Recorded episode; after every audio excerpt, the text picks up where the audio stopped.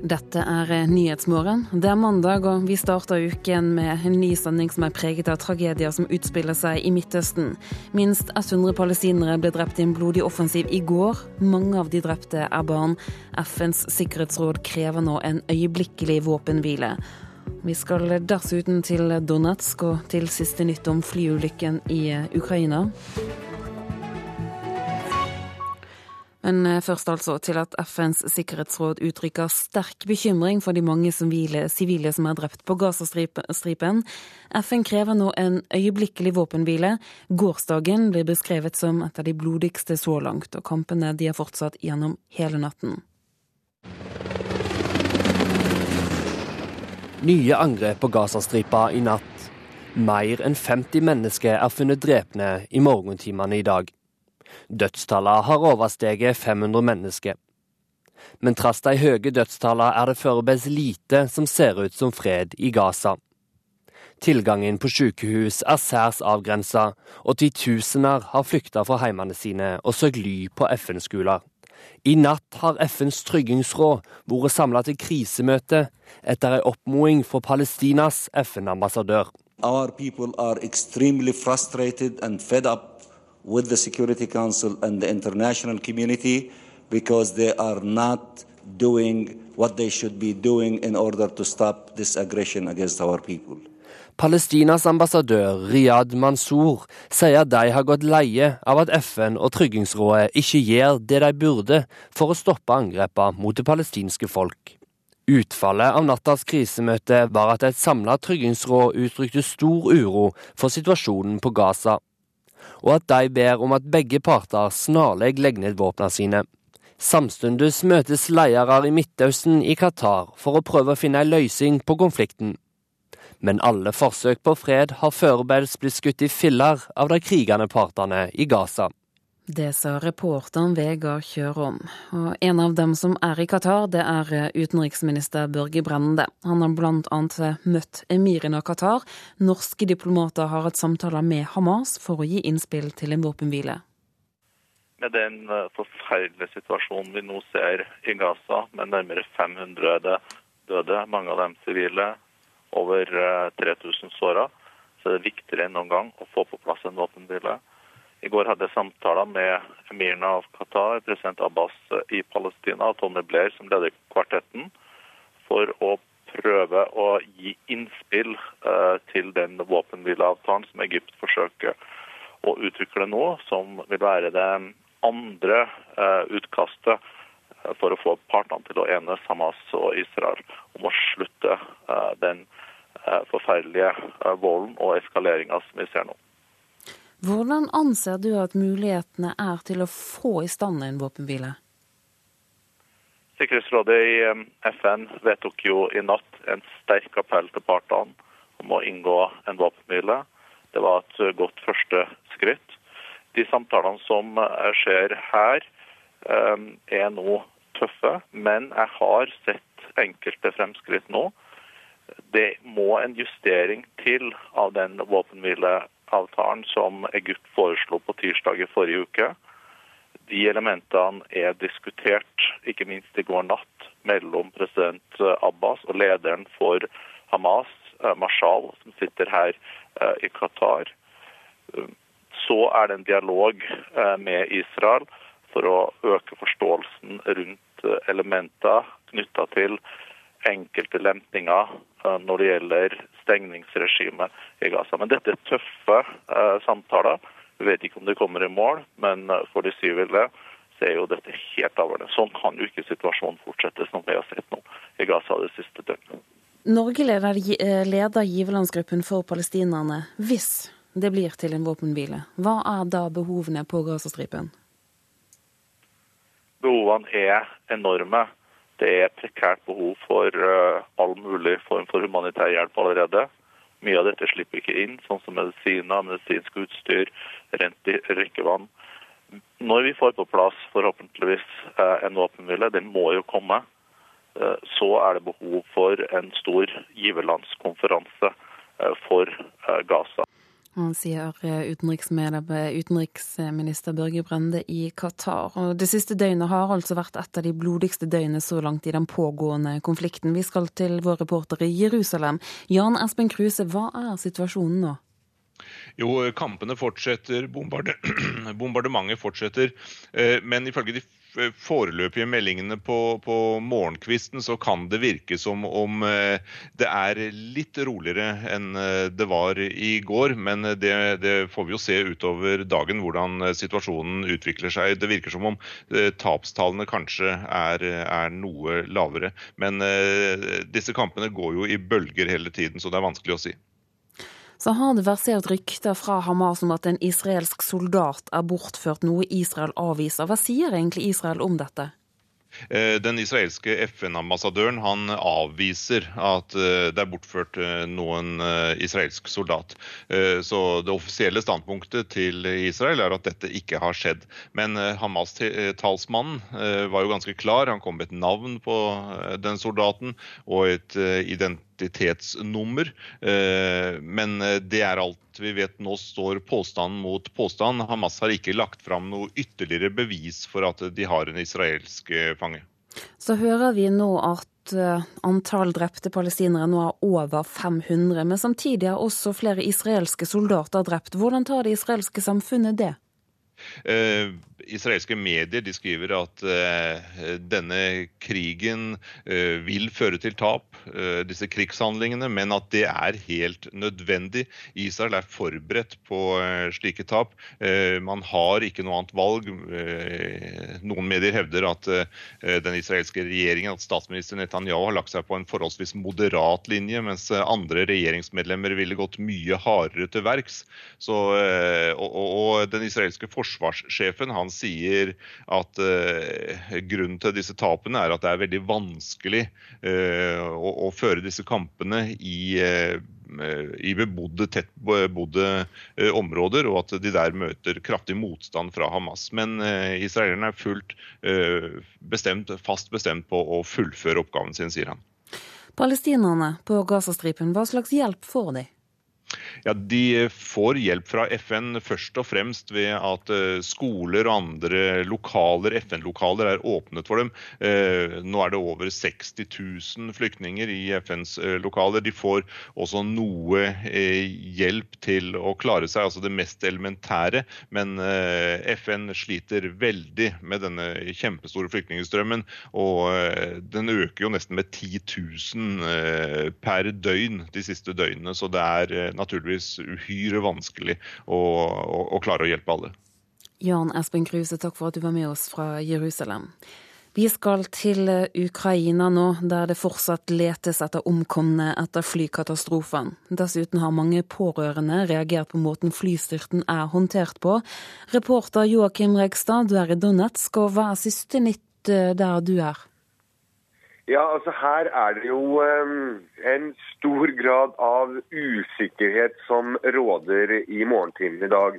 Og Det skyldes jo først og fremst at man eh, ikke vet hva som skjer på ulykkesstedet. Det er jo um, mange um, historier som går om at de prorussiske styrkene igjen vil nekte bl.a. Oslo-observatørene tilgang til åstedet. Og eh, Nederland har jo varslet at eh, de vil sende myndighetspersoner som skal lede identifiseringsarbeidet av de omkomne. Det er usikkert om de kommer til å slippe til på området. Og så er det usikkert hva som kommer til å skje med eh, de døde kroppene som ligger på, eller noen av de døde kroppene som ligger på dette toget i Torres. Kommer det til å komme seg inn i et ukrainsk kontrollert område, eller vil det bli stående i Torres, eventuelt eh, her i Donetsk. Har etterforskningen kommet i gang i det hele tatt? Hvis vi tenker på hvordan en etterforskning etter en flykatastrofe i vår del av verden for å kalle det det ville ha foregått, så kan man ikke si at det har det overhodet. I går uh, var vi jo ute på ulykkesstedet, og vi ser jo at det er en del mannskaper som går rundt og leter det virker nesten litt formålsløst, eh, men likevel. De leter i eh, åkrene etter flydeler, små deler kanskje, og eh, noen av de døde som de ennå ikke har funnet. Men samtidig så er jo dette området så kontrollert av de russiske separatistene at man ikke tør å være inne i lang tid før man må ut igjen i frykt for at de skal prøve å gjenta kontroll over området etter at man har hatt en våpenstillstand i noen timer. Joakim Regstad, vår reporter i Donetsk, takk skal du ha. Du lytter til Nyhetsmorgen. Klokken er 7.13. Hovedsaker nå. Antall drepte palestinere på Gazastripen har nå passert 500. FN krever en øyeblikkelig våpenhvile mellom Israel og Hamas. Som vi hører, så er det fortsatt utklart hva som skjer med de omkomne etter flytragedien i Ukraina. Og bli med oss videre i sendingen. Vi skal bl.a. høre om norske departementer som i løpet av de siste årene har brukt store summer på å utvikle over 25 mobilapper. Nå først til at helsedirektører fjerner effektiv kreftmedisin fra det offentlige behandlingstilbudet. Finn Halsås har fått beskjed om at han selv må betale den livsforlengende cellegiften legen anbefaler ham å bruke. Årsaken er at helseforetakene mener medisinen koster for mye. Så jeg syns jeg har fått så fin oppfølging og blitt tatt så godt vare på. Så den, med, den nedturen med å bli nekta nekta behandling fordi at de tar et medikament ut. Det, kjentes, det kjentes ikke bra. I sju år har prostatakreften ridd kroppen til 68 år gamle Finn Alsås. En kur er ikke innen rekkevidde, men den livsforlengende cellegiften Jeftana hadde god effekt. Verdiene stupte, lege og pasient var fornøyde. Ja, ja, vi har så god erfaring med den. Du skal vel finne et sånt diagram. Altså det stupte ned. Og så nå er det på vei, vei, opp igjen. I juli kom sjokkbeskjeden. Det offentlige Norge vil ikke betale en ny runde med Jeftana. Den som overlegen ved Ullevål anbefaler for ham. Det bestemte direktørene i helseforetakene i våres. Og begrunnelsen for å ta den ut som et tilbud, var at den var for kostbar. Ja, altså Sånn som jeg forsto legen, så var han like fortvilt som meg. Eh, at han hadde mista et verktøy som han ikke hadde kunnet bruke lenger. Og det har skjedd brått og brutalt. Hvor mye er et ekstra leveår verdt? Hva med to eller tre år? Grovt så sier man at denne medisinen koster ca. 800 000 for å forlenge et, et år. Forlengende medisiner, Han kan ikke bli frisk av det. Man har svart veldig, veldig godt på denne medisinen tidligere. Sier Andreas Stensvold, leder i Norsk cancergruppe, til daglig overlege på Radiumhospitalet. Dette er en utfordring vi kommer til å se mer og mer av. Som blir mer og mer krevende for kreftleger, men også andre medikamenter som etter hvert kommer. Dyre, nye medikamenter som man kanskje i Norge sier nei til. Cellegiften Gevtana er for kostbar i forhold til nytten. Dokumentasjonen er for tynn, sier Lars Våland, administrerende direktør i Helse Nord, som var med å ta beslutningen. Så I Norge, selv så rik som Norge, så har ikke Norge råd på sikt å, å skrive ut alt som, som, vil komme på markedet. Det tror jeg ikke. Vil, eh, vi, må, vi må nok prioritere også innenfor medisin. Dere setter jo på en måte prisen på hvor mye er det verdt med livsforlengende medisin f.eks. i ett år. Hvordan, det, hvordan, setter dere denne prislappen? Vi har ikke satt en fast prislapp på det, fordi eh, det, det, det, har vi valgt ikke å gjøre. Så vi vurderer hvert enkelt medikament ut fra effekt og, og den nytten det har. Men det vi gjør, er jo bare at vi prioriterer det på lik linje med, med alt annet som vi prioriterer. Det gjør vi jo hver dag innenfor helsevesenet. Ja. Hjemme hos Altsos på Kampen gjøres vurderingen om man skal låne penger til cellegiften legen anbefaler. Han mener politikerne har sviktet. Helseministeren har uttalt at prostatakreftpasienter skal prioriteres fremover. Og Siv Jensen, som sitter på pengesekken, hun, eh, hun sa i opposisjon ved i hvert fall to anledninger som jeg har hørt, at det skal ikke stå på penger ved behandling av sykdom i Norge. Reportere Line Tomter og David Krekling med oss nå. Beate Herrem Hundhammer, du er leder for politisk sekretariat i Kreftforeningen. Hva synes du om denne historien om kreftmedisin som fungerer, som likevel blir fjernet? Ja, Det vi hørte her var en veldig sterk og veldig trist historie. Eh, den er dessverre ikke enestående. Eh, vi, eh, vi mener at vi må strekke oss langt Og mye lenger enn Norge gjør i dag, og norsk helsevesen gjør i dag, for å tilby pasienter best mulig behandling. Det er bestandig prioriteringer til grunn, både økonomisk og medisinskfaglige. Men det må være de medisinskfaglige som veier tyngst. Og Av og til får vi inntrykk av at det er kalkulatoren som snakker høyest når vi snakker om makspriser og kostnadseffektivitet. Men det er ikke slik at Norge allerede har strukket seg veldig veldig langt. Vi er ikke best i klassen. Hvor ligger vi an, da? Altså, hva, hva, hva... Jo, det er klart at Norge har et fantastisk bra helsevesen. Det er ikke tvil om det. Når det gjelder bruk av medisiner og kreftmedisiner, så er vi ikke best i klassen. Det er det flere land som vi liksom liker å sammenligne oss med også blant de nordiske som bruker mer. Og det er også en myte at, eh, vi, at det er liksom kreftmedisinene som velter helsebudsjettene, for det er det ikke. Vi bruker 0,6% altså litt over en halv prosent av sykehusene kostnader går til kreftmedisin. Så vi har langt igjen før vi når noe tak der. Hvilke konsekvenser får det for de som da er kreftsyke? Altså Når det gjelder slike tilfeller som dette, hvor det er godkjent medisin, som er anerkjent medisin, og man har effekt, og hvor det medisinfaglige miljøet anbefaler det, så betyr det jo rett og slett at man får leve kortere. Dette er livsforlengende medisin som man mener har effekt for den enkelte.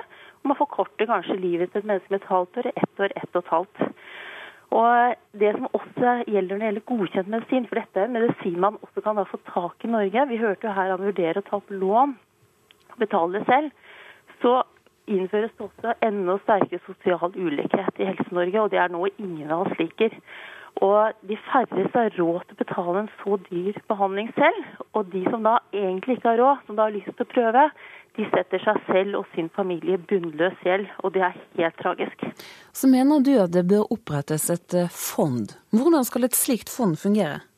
Altså, Kreftforeningen har foreslått flere ting, og en av de tingene de har sagt, er at vi bør få et kreftmedisinfond for godkjente medisiner.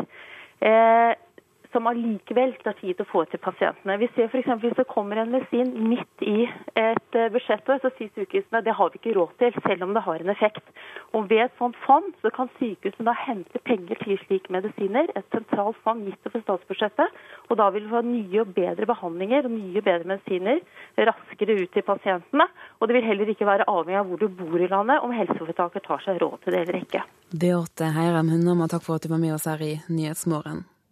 Det nærmer seg nå treårsmarkeringen for terrorangrepet mot Norge.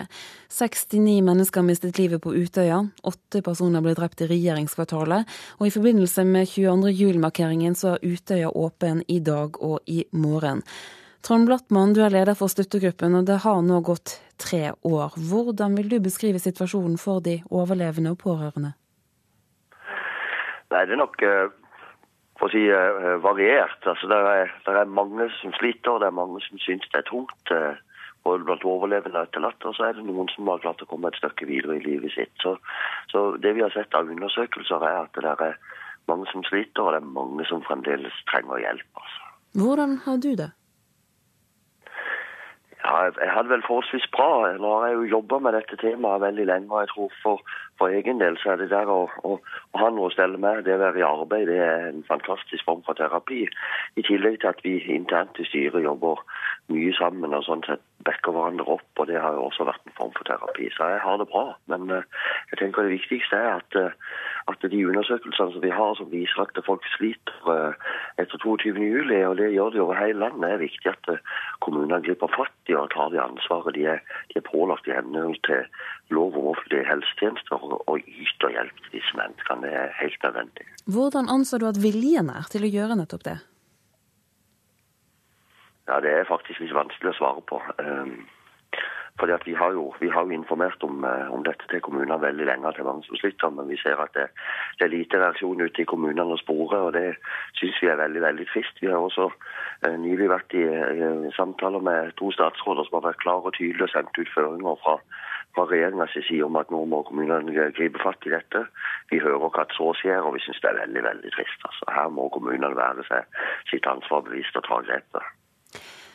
Det som skjedde for tre år siden, det skal markeres. Det skal markeres i dag og i morgen. Hvordan blir disse markeringene? Ja, I dag blir det jo det som vi kaller for åpen øy, hvor folk kan komme ut og bruke øya som de lyster spasere rundt, være på det stedet hvor de mista sine, legge ned blomster. Der det vil være matservering, kaffeservering, brus, vann, alt mulig sånn. Og, og, øya er åpen for de som måtte ønske å være der ute. I morgen så er det jo mer offisielt med en offisiell markering fra, fra klokka fire. Eh, det er Jonas Gahr Støre som skal holde tale, Eskil Pedersen skal holde tale, og undertegnede skal holde tale. Og Erna Solberg kommer da skal legge ned en krans på vegne av den norske regjeringa og det norske folk. Så i dag er det mer en sånn løselig dag, og i morgen er det, er det en offisiell markering. Men begge dagene er det jo sånn at vi ønsker at folk skal komme, bruke øya, den flotte øya sånn som man ligger der, og være sammen om å, om å hedre og minnes de som vi mista. Trond Blattmann, leder for støttegruppen, takk for at du var med oss her i Nyhetsmorgen. Vi skal se nærmere på hva avisene har på sine forsider eh, i dag. og Markeringen for 22. juli-terroren den er på forsiden av Klassekampen bl.a. med Anniken Huitfeldt, som sier at rasisme, kvinneforakt og hat mot sosialdemokrater står like sterkt i Norge nå som de gjorde for tre år siden. Flytragedien i Ukraina er hovedoppslaget i Dagbladet. Putins desperate spill, skriver avisen, om at Russland får mye av skylden, og at det foreløpig har kommet få svar om flyulykken. Mange ble drept på Gazastripen i går. Flere var barn. Israel sier at de vil holde det militære trykket oppe, skriver Aftenposten, mens VG kaller Gazastripen for helvetes forgård. Antall utenlandske arbeidere i landbruket her i Norge øker. De aller fleste arbeidsinnvandrerne det er østeuropere, og det er toppsaken i Nasjonen. Politiet tar flere og flere båtførere som har for høy promille. Politiet i Oslo mener flere spekulerer i å ha for høy promille. Det skriver Vårt Land. Adresseavisen slår opp en sak i dag om en psykiatrisk sykepleier som innledet et intimt forhold til en pasient. Kvinnen skal dessuten ha lest over 100 journaler urettmessig, skriver avisen. Sexsalget på gaten i Oslo øker. Gateprostitusjon har økt den siste tiden, trass i forbudet mot å kjøpe sex. Kvinner kommer til Norge fra hele verden for å jobbe, men ennå ofte på gaten, skriver Dagsavisen. I Danmark pågår Nordens største medieskandale. Det handler om arbeidsmetodene til danske Se og Hør. Nå skal dansk politi etterforske et notat om Se og Hørs arbeidsmetoder i Norge, skriver Dagens Næringsliv. Nordlys skriver om ulike pengetabber det er viktig å unngå, men som mange likevel havner i. Mange gidder f.eks. ikke å sette seg ordentlig inn i hva slags pensjon de kan forvente, og det er tabbe, sier ekspert til avisen. Mens eh, Bergens Tidende slår opp Høyanger kommune, som satset på en ny brenselsfabrikk som skulle få ungdommen tilbake til bygden, men nå er selskapet konkurs. I løpet av de siste årene har norske departementer og direktorater brukt store summer på å utvikle over 25 mobilapper. Formålet med disse appene er å spre informasjon om virksomheten til eh, via folks mobiler og nettbrett, men det er få som benytter seg av dem. Noen av appene er lastet ned av under, under 100 personer. Det er Oil Facts. Her kan man finne ut av eh, hvor, eh, hvor mye reserver det er per felt. Redaktør i IT-magasinet Computerworld, Aslak Borgersrud, har akkurat lastet ned Oljedirektoratets mobilapplikasjon til sin smarttelefon. I appen Oil Facts kan man få informasjon om olje. Ja, men, ja, men hvor, hvorfor er det en app?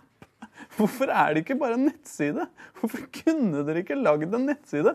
Oil Facts er en av rundt 25 apper som norske departementer og direktorater har utviklet i løpet av de siste årene.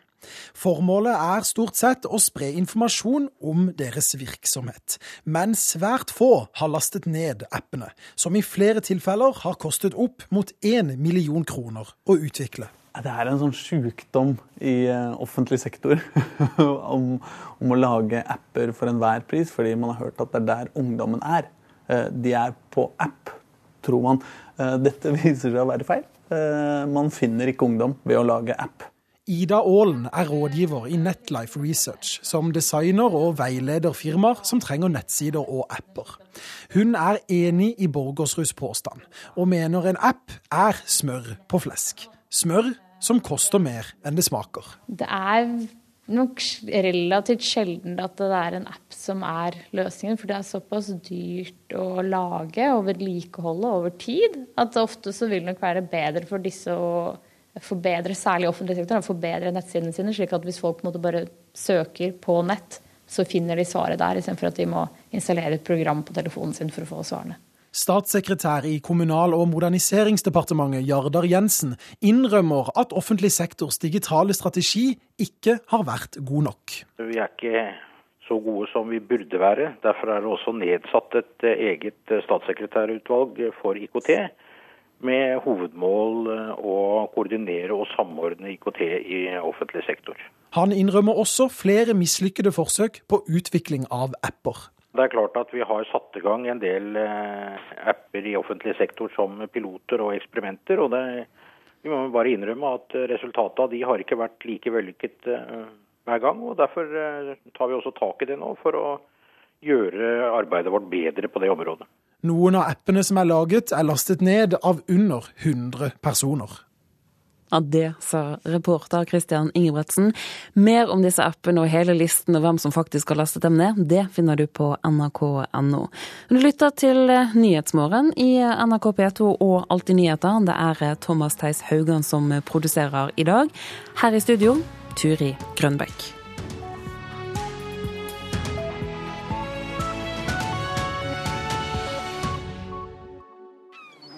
Sommer i P2.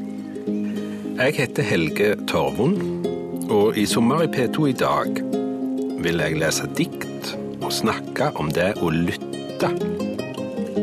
Det å virkelig lytte til et annet menneske, men også det å lytte til dine egne hjerteslag.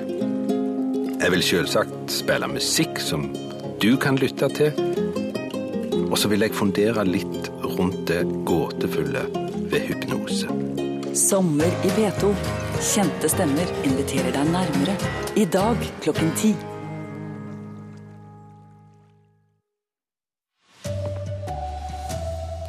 Tallet på døde palestinere i Gaza har passert 500. Nå må valden ta slutt, krever FN. Kreftpasient blir nekta medisin fordi det koster for mye. Styresmaktene bruker millioner på mobilapper nesten ingen vil ha. Her er NRK Dagsnytt klokka 7.30. Flere mennesker er drepne i Gaza i natt, og i morgentimene er minst 50 mennesker funnet drepne. Samtidig blir det nå gjort flere forsøk på å forhandle fram fred mellom Israel og den væpna palestinske gruppa Hamas. Nye luft- og bakkeangrep på Gazastripa i natt. Gårsdagen ble den blodigste dagen siden Israel starta sin offensiv for snart to uker siden. Og medan krigen holdt fram på Gaza gjennom natta, var FNs tryggingsråd samla til krisemøte i New York etter ei oppmoding fra Palestinas FN-ambassadør. Der ble en enig om å oppmode begge parter til å legge ned våpna. Samtidig møtes også statsledere fra Midtøsten i Qatar for å finne en løsning på konflikten. Og der er også utenriksminister Børge Brende, som har trua på framgang. De samtalene som skjer her, eh, er nå tøffe, men jeg har sett enkelte fremskritt nå. Det må en justering til av den våpenhvileavtalen som Egypt foreslo på tirsdag i forrige uke. Men trass i optimismen har foreløpig alle forsøk på fred blitt skutt i filler av de krigende partene i Gaza. Reporter her var Vegard Kjørholm. Da skal vi videre til vår reporter i Jerusalem, Jan Espen Kruse. Vi hører Tryggingsrådet i FN krever snarlig våpenhvile. Hvor stor er trua i Israel på at det skjer? Eh, den er nok ikke så veldig eh, stor, for eh, her er man mest opptatt av krigføringen. Og det er ikke så veldig mye diskusjon om våpenhvile. Her er man opptatt av disse 13 israelske soldatene som mistet livet. Det blir sagt at dette er en forferdelig pris å betale, men at det er nødvendig for å svekke Hamas og gjøre mulighetene mindre for at de skal bli i stand til å sende raketter inn over Israel. Så våpenhvile eh, står ikke veldig høyt på dagsordenen her akkurat nå. Vi hører at tallet på drepne palestinere nå har passert 500. Hvordan reagerer folk i Israel på det stigende dødstallet blant palestinerne? Eh, det er ikke så veldig stor diskusjon rundt det. Her er man opptatt av de rakettene som eh, skytes inn. Eh, offisielle myndigheter her i Israel de beklager disse høye dødstallene. De sier at det er ikke ønsket fra israelsk side, men at det er veldig vanskelig å unngå sivile tap når Hamas skjuler seg blant, blant sivilbefolkningen. Takk skal du ha, reporter Jan Espen Kruse, som følger utviklinga fra Jerusalem. Så til eh, Ukraina. Etterforskninga av flykatastrofen som kravde nesten 300 liv, har fremdeles ikke starta. I fire dager har lik lege i solsteiken blant eggedelene sine. Undersøkingene skulle starta i dag, men nå i morgentimene har Ukraina fremdeles ikke klart å finne en sikker måte å få eksperter inn i området på. Det forteller reporter Joakim Reigstad, som er i Ukraina det er en eh, del mannskaper som går rundt og leter. Det virker nesten litt formålsløst, eh, men likevel. De leter i eh, åkrene etter flydeler, små deler kanskje, og noen av de døde som de ennå ikke har funnet. Men samtidig så er jo dette området så kontrollert av de russiske separatistene at man ikke tør å være inne i lang tid før man må ut igjen i frykt for at de skal prøve å gjenta kontroll over området. Tallet på gateprostituerte i Norge øker, og kvinnene og mennene som selger sex kommer fra stadig flere land. Det skriver Kirkens Bymisjon i sin ferske årsmelding fra 2013. Omfanget av gateprostitusjonen er nå oppe i nesten samme omfang som før forbudet mot sexkjøp ble innført i 2009, sier Kirkens Bymisjon til eh, Dagsavisen. Helsedirektørene fjerner livsforlengende kreftmedisin fra det offentlige behandlingstilbudet. Finn Alsos har fått beskjed om at han sjøl må betale for cellegifta legen mener han bør bruke. Årsaken er at helseforetakene mener medisinen koster for mye. Den nedturen med å bli nekta, nekta behandling fordi at de tar et medikament ut, det kjentes, det kjentes ikke bra. I sju år har prostatakreften ridd kroppen til 68 år gamle Finn Alsås. En kur er ikke innen rekkevidde, men den livsforlengende cellegiften Jeftana hadde god effekt. Verdiene stupte, lege og pasient var fornøyde. Ja, ja, vi har så god erfaring med den. Du skal vel finne et sånt diagram. Altså, det stupte ned. Og så nå er det på vei, vei opp igjen. I juli kom sjokkbeskjeden. Det offentlige Norge vil ikke betale en ny runde med Jeftana, den som overlegen ved Ullevål anbefaler for ham. Det bestemte direktørene i helseforetakene i våres. Og Begrunnelsen for å ta den ut som et tilbud, var at den var for kostbar. Hvor mye er et ekstra leveår verdt? Hva med to eller tre år? Grovt så sier man at denne medisinen koster ca. 800 000 for å forlenge et, et år sier Andreas Stensvold, leder i Norsk cancergruppe, til daglig overlege på Radiumhospitalet. Dette er en utfordring vi kommer til å se mer og mer av, som blir mer og mer krevende for kreftleger, men også andre medikamenter som etter hvert kommer. Dyre, nye medikamenter som man kanskje i Norge sier nei til. Cellegiften Gevtana er for kostbar i forhold til nytten. Dokumentasjonen er for tynn, sier Lars Våland, administrerende direktør i Helse Nord, som var med å ta beslutningen. Så I Norge, selv så rik som Norge, så har ikke Norge råd på sikt å, å skrive ut alt som, som, vil komme på markedet. Det tror jeg ikke. Vil, eh, vi, må, vi må nok prioritere også innenfor medisin.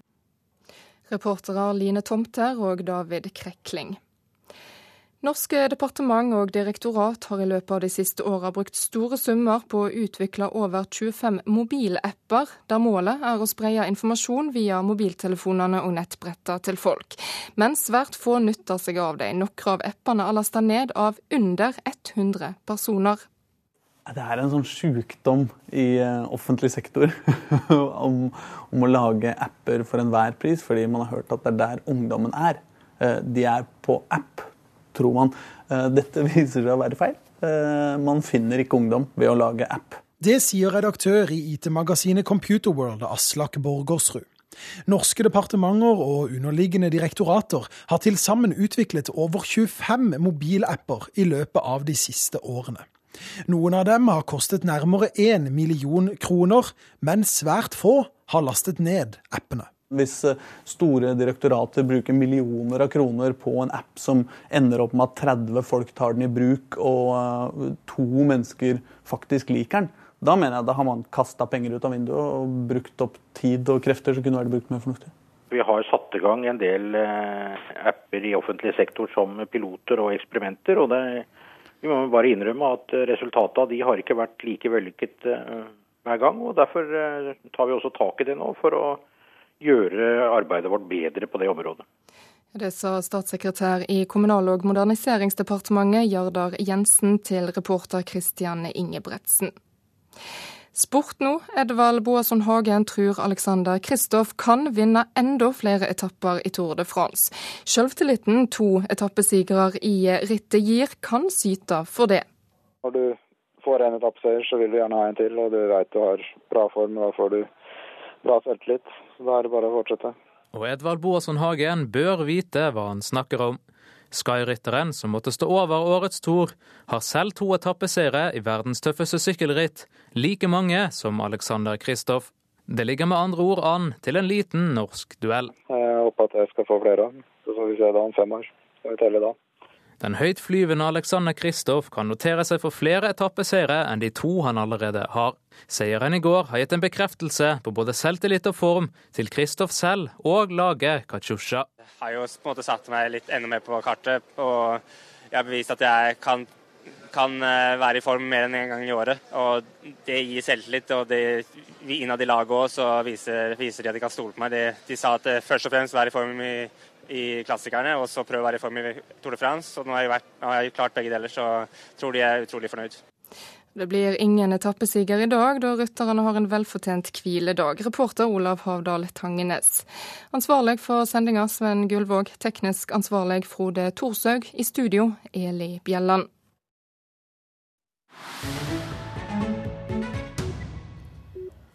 Nyhetsmorgen fortsetter nå. Vi skal til Argentina. For eh, da de skuffede fotballheltene kom hjem til Buenos Aires etter fotball-VM, så var det ikke de som var på forsiden av avisene lenger, for der sto det om en verre krise.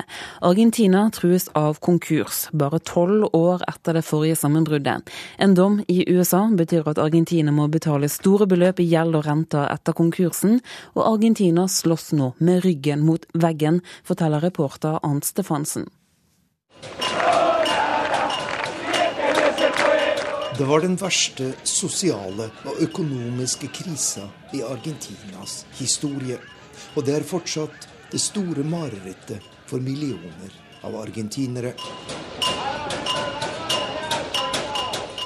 Ved inngangen til 2002 gikk Argentina konkurs. Bankvesenet falt sammen, folk mistet sparepengene sine, og hovedstaden Buenos Aires opplevde en orgie av vold og plyndring. I løpet av noen måneder falt nærmere halvparten av landets middelklasse under fattigdomsgrensa. Og selv om Argentina kom seg økonomisk på fote i løpet av noen år, er ettervirkningene fortsatt store, sier den kjente kommentatoren Rosendo Fraga. Argentina, que siempre en América Latina tuvo una situación Argentina har tradisjonelt vært det ledende landet i Latin-Amerika økonomisk og sosialt. Men vi har mistet denne stillingen, og ligger nå midt på treet i denne delen av verden. Hvis vi sammenligner med situasjonen under krisa for tolv år siden, går det mye bedre. Men i et historisk perspektiv ligger vi dårligere an enn før. Vi hadde den sterkeste middelklassen i Latin-Amerika, men den er sterkt svekket pga. krisa i 2002. Og nå, i sommer, ble situasjonen akutt.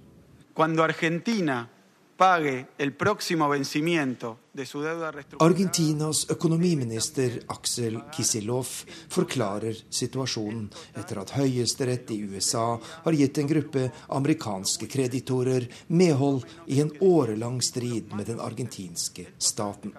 Dommen innebærer at Argentina nå må tilbakebetale et beløp som er mer enn halvparten så stort som alle landets valutareserver. Det betyr at den argentinske staten trues av en ny konkurs som kan få fatale følger for befolkningen, sier økonomiministeren. Innbyggerne i den argentinske hovedstaden Buenos Aires protesterer mot dommen i USA og frykter det verste. Etter at Argentina fikk til en avtale med 93% av sine kreditorer, har landet nedbetalt sin gjeld punktlig.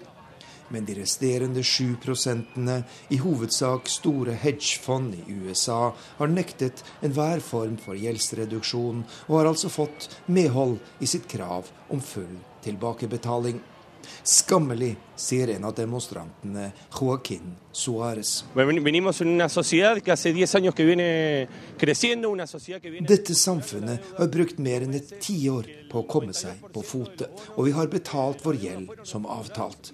Men nå kan alt bli ødelagt av noen mektige kapitalister i USA og deres venner i rettsvesenet. Dette er styrtrike fond som spekulerer i fattige lands elendighet. De kjøper opp forfalt gjeld og håper å innkassere pengene med stor fortjeneste. At et helt land kan bli rammet av kaos og elendighet, bryr de seg ikke om, sier demonstranten i Buenos Aires. Du lytter til Nyhetsmorgen. Klokken er 7.44. Hovedsaker i dag. Over 500 palestinere har nå mistet livet på Gazastripen. FN krever en umiddelbar våpenhvile. Her hjemme hører vi om en kreftpasient som blir nektet effektiv medisin fordi den koster for mye. Og så er det stor usikkerhet rundt hvordan etterforskningen av flykatastrofen i Ukraina egentlig blir. Det nærmer seg treårsmarkeringen etter terrorangrepet på Norge. I morgen er det tre år siden terroren på Utøya og i regjeringskvartalet. Allerede i dag åpnes Utøya for de pårørende til de 69 som ble drept på AUF sin sommerleir. AUF-leder Eskil Pedersen, øyen åpnes i dag. Hvorfor gjør dere egentlig det? Vi har hatt uh, mange anledninger i løpet av de tre siste årene for uh, at berørte, uh, men for så vidt også alle som ønsker å besøke Utøya, kan få muligheten til det. Og nå har vi øya åpen over to dager, og det er fordi det kan være ulike grunner som gjør at berørte av 22. juli ikke ønsker å være på Utøya på selve dagen. Kanskje de ønsker å markere den mer privat, men at de får da muligheten til å være på øya før arrangementene eh, pågår, og, og før også pressen er til stede. Og det er noe som vi vet eh, mange setter pris på. Hvordan er det med ditt behov for å dra til Utøya? Det er uh, ganske stort. Jeg har jo vært på Utøya en del ganger siden 22. juli, men det er klart det er noe spesielt å være der på dagen. Nå har vi jo hatt markeringer der hvert år siden 2011, og det har alltid vært for meg både en veldig sterk eh, opplevelse, men også en viktig dag. Eh, at vi eh, kan være der sammen, kjenne på den sorgen som finnes der med andre som er berørt. Så jeg kommer jo til å være der ved å bl.a. holde tale. Men, men, også har jeg et behov for å gå litt rundt alene, kanskje sammen med noen nære venner, og, og kjenne på, på, på minnene av de vi mistet. Det har gått uh, tre år. Hva har tre års avstand gjort med deg? Jeg tenkte på det rett før jeg kom inn hit, at, uh, at tre år det høres veldig lenge ut. Men så føles det samtidig også veldig nært i tid. I hvert fall for oss som, som var nært berørt av det. Og det er klart at jeg tror for, du vil få forskjellige svar fra veldig mange ulike familier og, og mennesker. Noen føler nå at det går mye lettere for dem. og Eh, selvfølgelig er sorgen der, men likevel så har man fått det litt på avstand. Men for andre, kanskje særlig de som er foreldre og mistet noen, så gjør dette kanskje like vondt som det gjorde for eh, tre år siden. For AUF som parti er det vanskelig å finne denne balansen mellom å jobbe politisk aktivt, gå videre, men samtidig sørge?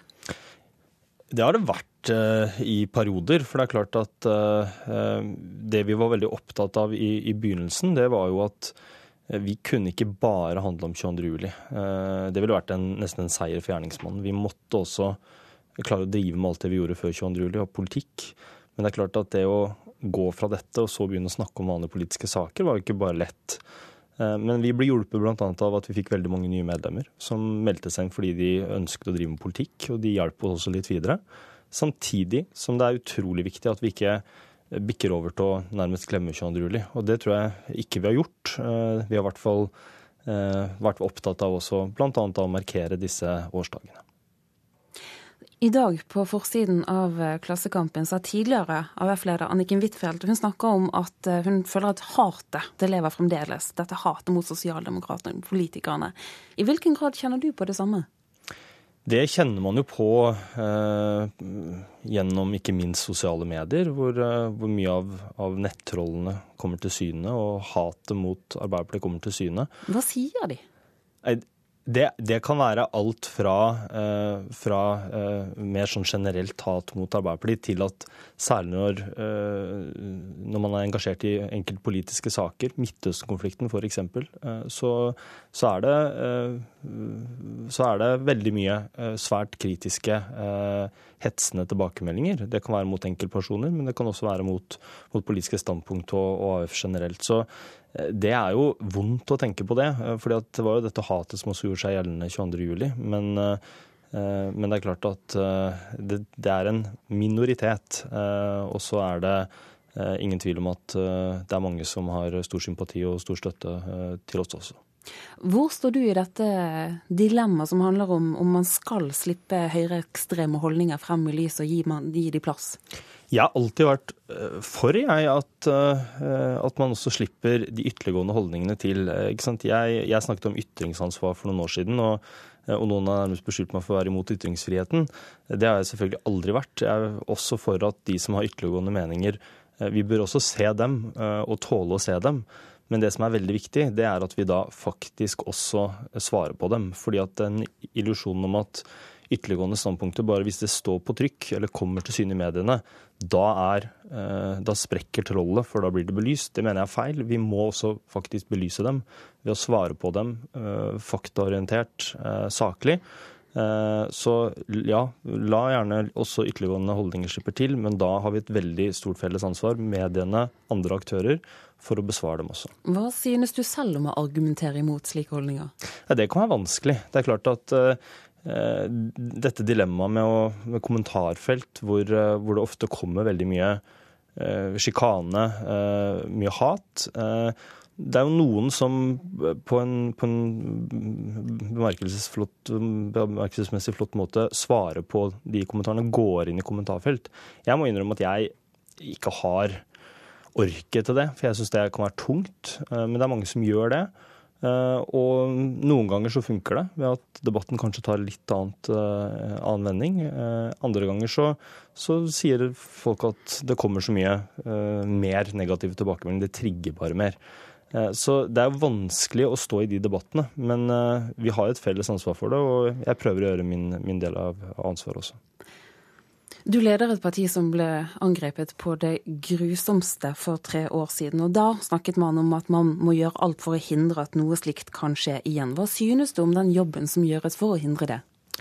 Vi, ikke, kan vi, vi, kan virkelig ikke si at vi har gjort nok. fordi det er klart at uh, Vi har et kjempestort ansvar uh, for å hedre ofrene. Uh, men også for å sørge for at vi ikke opplever det vi opplevde 22. juli igjen på både å sørge for at beredskapen, eh, eh, politiet, alt det fungerer.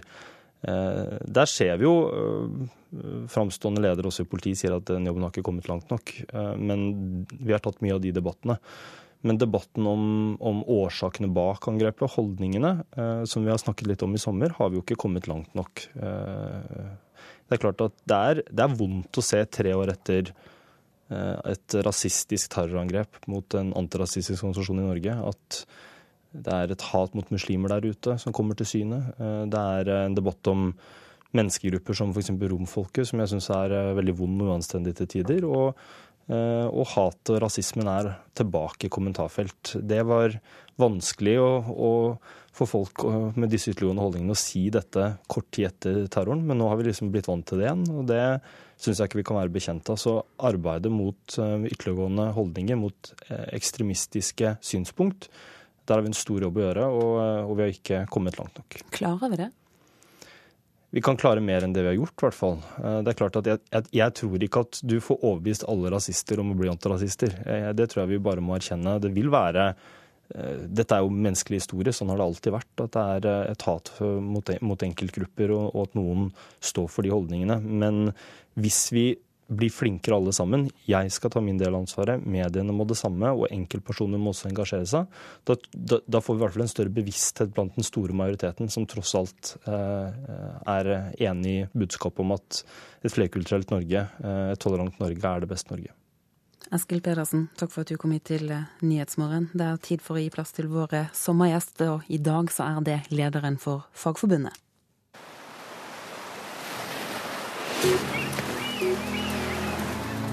Sommerserien i Nyhetsmorgen. Navn? Mette Nord. Yrke? Hjelpepleier. Hva gjør du i sommerferien? I sommer i år så jobber jeg faktisk mye, men teknologien vil eh, ha det sånn at jeg kan faktisk ta med meg eh, jobben eh, og være også litt på hytta, og det syns jeg er veldig hyggelig. Hvem som du ikke kjenner fra før, vil du delt en kurv jordbær med? Jeg tror faktisk jeg kunne tenke meg å dele den med Robert Eriksson for å få diskutert og drøfta arbeidstidsspørsmål litt grundigere.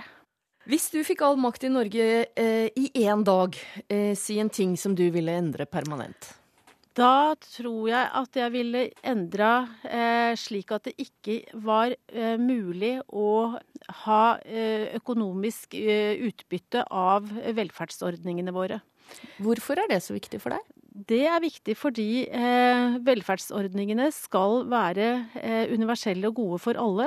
Eh, og i det øyeblikk man setter dette ut på anbud eh, og gjør det til et marked, så vil det være et helt annet fokus for de som driver de, og det er å tjene penger, og ikke å øke kvaliteten i tjenestene, sånn at innbyggerne får det best mulig. Og I tillegg til det så vil det jo være mye, mye bedre forvaltning av skattebetalernes penger, og sikre at tjenestene blir godt ivaretatt, istedenfor at det er noen som skal eh, ha store økonomiske utbytter av det. Til noe annet, eh, gir du til tiggere hvis du møter noen?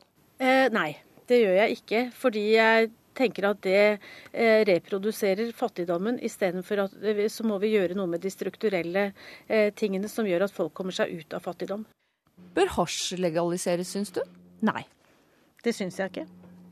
Bør det bli lov å ta seg et glass vin eller øl i parken? Jeg tenker at offentlige områder skal være til for alle.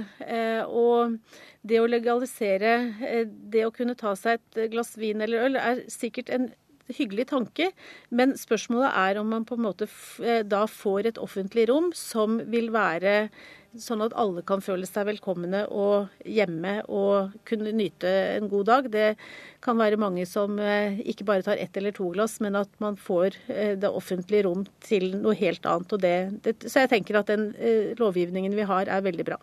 Kjører du elbil? Nei. Vil du ha OL i Oslo i 2022? Det vil jeg heller ikke ha.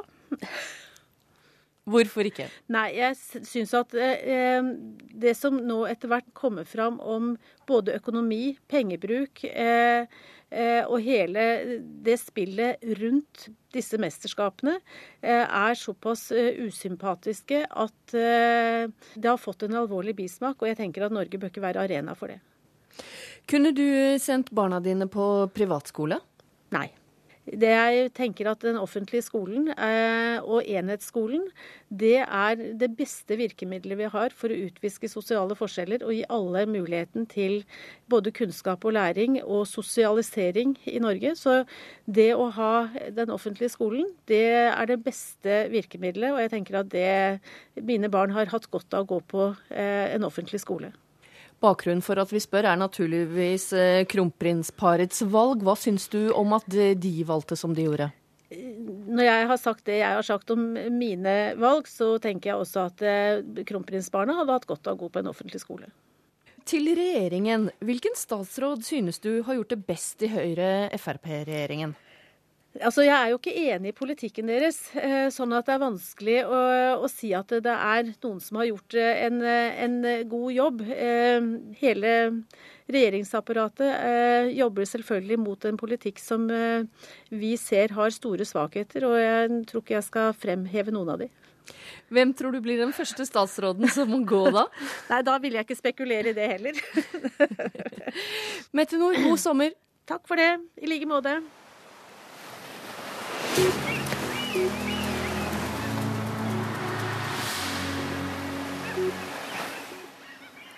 Intervjuet her, det var eh, Henvig Bjørgum. I Nyhetsmorgen nå skal vi ta med oss et værvarsel. Det gjelder fram til midnatt. Fjellet i Sør-Norge får skiftende eller sørøstlig bris og pent vær. Litt mer skyet i ettermiddag.